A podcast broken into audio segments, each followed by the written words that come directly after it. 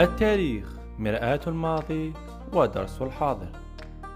الدول تظهر فتشب ثم تشيب ثم تشيخ وتسقط.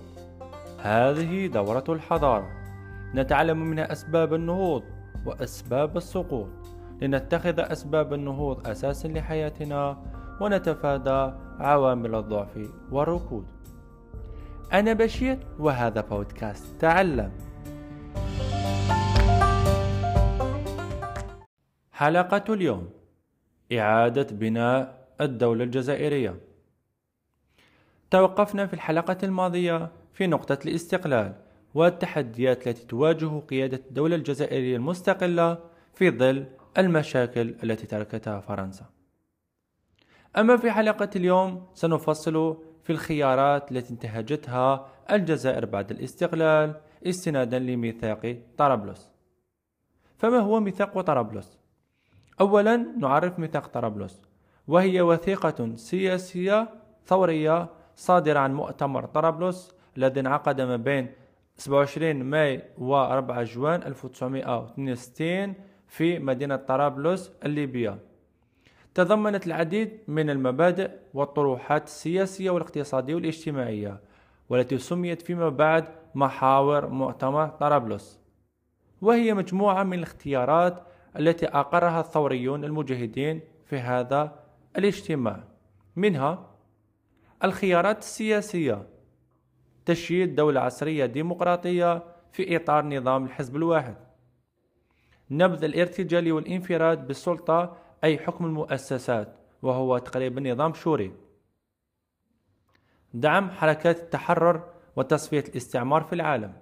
وحاليا ما زالت الجزائر تدعم حركات التحرر مثل القضية الفلسطينية مثل قضية الصحراء الغربية. لدينا أيضا دعم الوحدة المغاربية العربية الإفريقية والإسلامية والجزائر ضمن كل هذه المبادرات.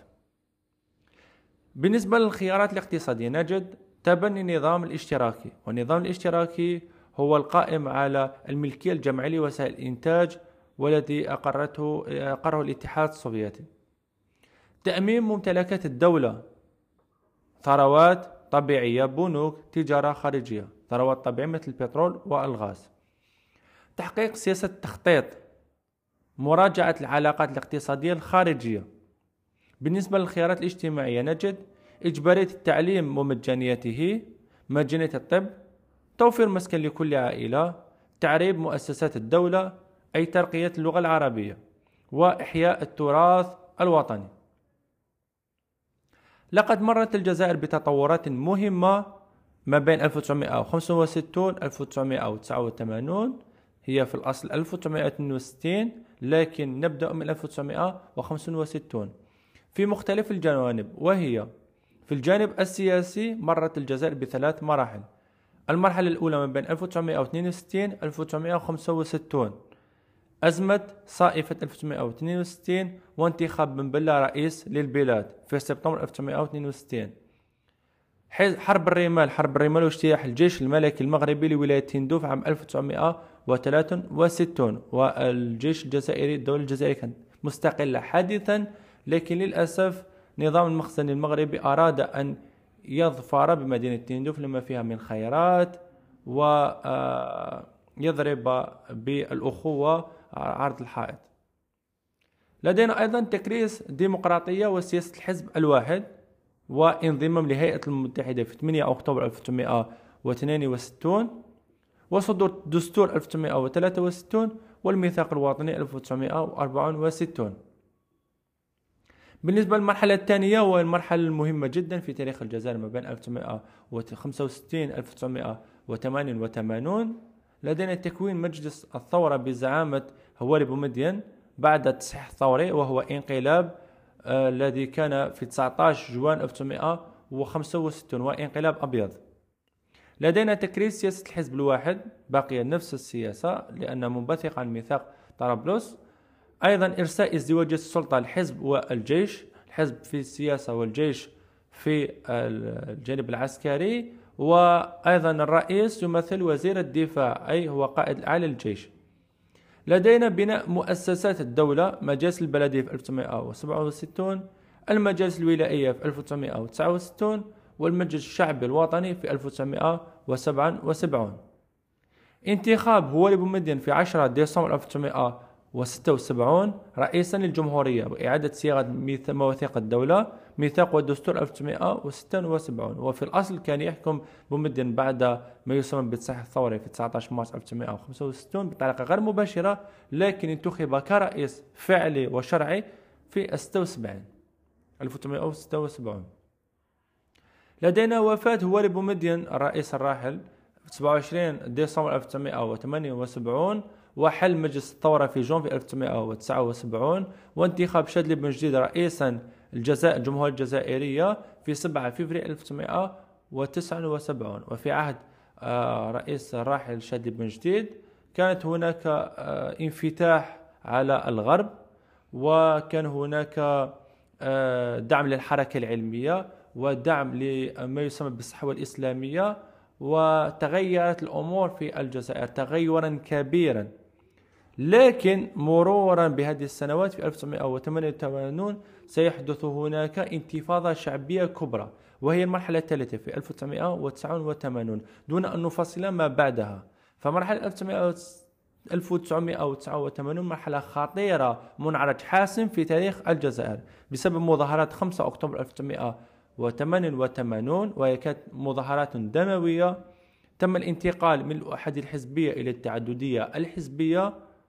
والتي دفعت بالرئيس الراحل شادلي بن جديد إلى القيام بإصلاحات سياسية واقتصادية عن طريق دستور 23 فبراير 1989 وتزامنت هذه المظاهرات مع سقوط الاتحاد السوفيتي وظهور نظام العالم الجديد الذي أراد أن يفرض منطقه الذي أراد أن يفرض منطقه معذرة في كل العالم بما فيها أيضا الجزائر. أما في الجانب الاقتصادي فنجد هناك مرحلتين. المرحلة الأولى ما بين 1962 لغاية 1988 لدينا انتهاج النظام الاشتراكي وتطبيق سياسة المخططات الإنمائية أو التنموية.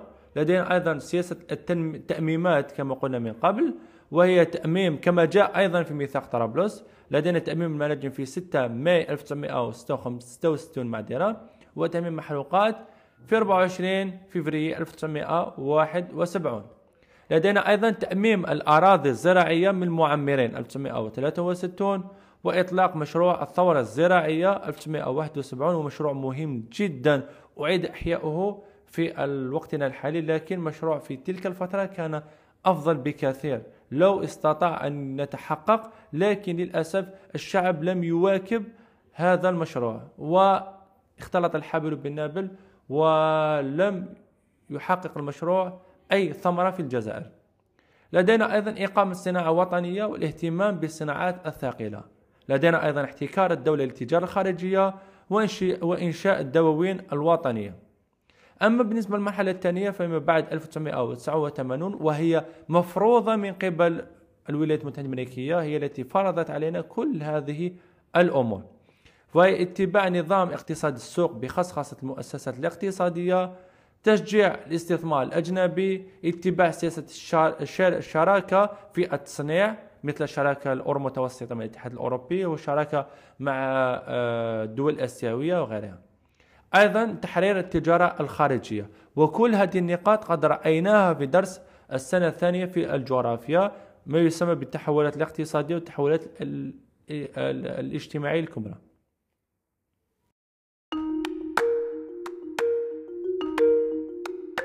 ختاما لما سبق فإن تاريخ الجزائر مر بعدة مراحل. أزهى مرحلة مرت بها هذه الأرض الطاهرة في عهد دولة الجزائر البحرية التي كانت تمتلك أقوى أسطول بحري جعل من الحامي والمدافع عن الشعوب المضطهدة في المنطقة سواء في البحر الأبيض المتوسط أو في إفريقيا أو في آسيا أو في مختلف الدول الإسلامية. إلا أن أواخر عهد الدولة الجزائر البحرية كان فيه فساد سياسي واقتصادي ما حتم على فرنسا احتلال الجزائر المحمية بالله. وكما قال ابن خلدون فإن البذخ يؤدي إلى الشيخوخة وانهيار الدولة. والعبث بمقدرات فرنسا قامت بالعبث بمقدرات الدولة الجزائرية. وسفك دماء أهلها. وبسبب هذه الأزمات والضائقة الكبرى التي مر بها هذا الشعب الجزائري الأبي ولدت في داخله همة أو همة عالية فظهرت مقاومة فكرية زرعت الوعي في ذهن نشأة النشأ الجزائري. فخرجت ثلة من أواسطه نبتت على عقيدة متينة. قادت ثورة عظيمة دوخت بها العدو واعتبرت نموذجا يحتذى به. وسرعان ما رضخت فرنسا لقوة الشعب الجزائري. وخرجت من بلادنا منهزمة. إلا أن المهمة الكبرى كانت على عاتق قادة الجزائر المستقلة الذين حاولوا إعادة بناء دولة الجزائر وإرجاع هيبتها بين الأمم. ولا زالت ولا زال على صناع القرار الجزائر ومنظروها استخلاص العبر من أخطاء الأسلاف وأمجاد الأجداد لبناء دولة جزائر قوية عادلة لا تظلم ولا تظلم. وعلى الشعب الجزائري في زماننا الحالي أن يقوم بواجبه تجاه وطنه ليكون له عز ويكف أي ويكف ويكف أيدي المفسدين والظالمين. والنشء أيضا لكم دور مهم في بناء دولتكم القوية وفي أنكم ستكونون مستقبل أكثر إشراقا وأكثر قوة بإذن الله. والسلام عليكم ورحمة الله تعالى وبركاته.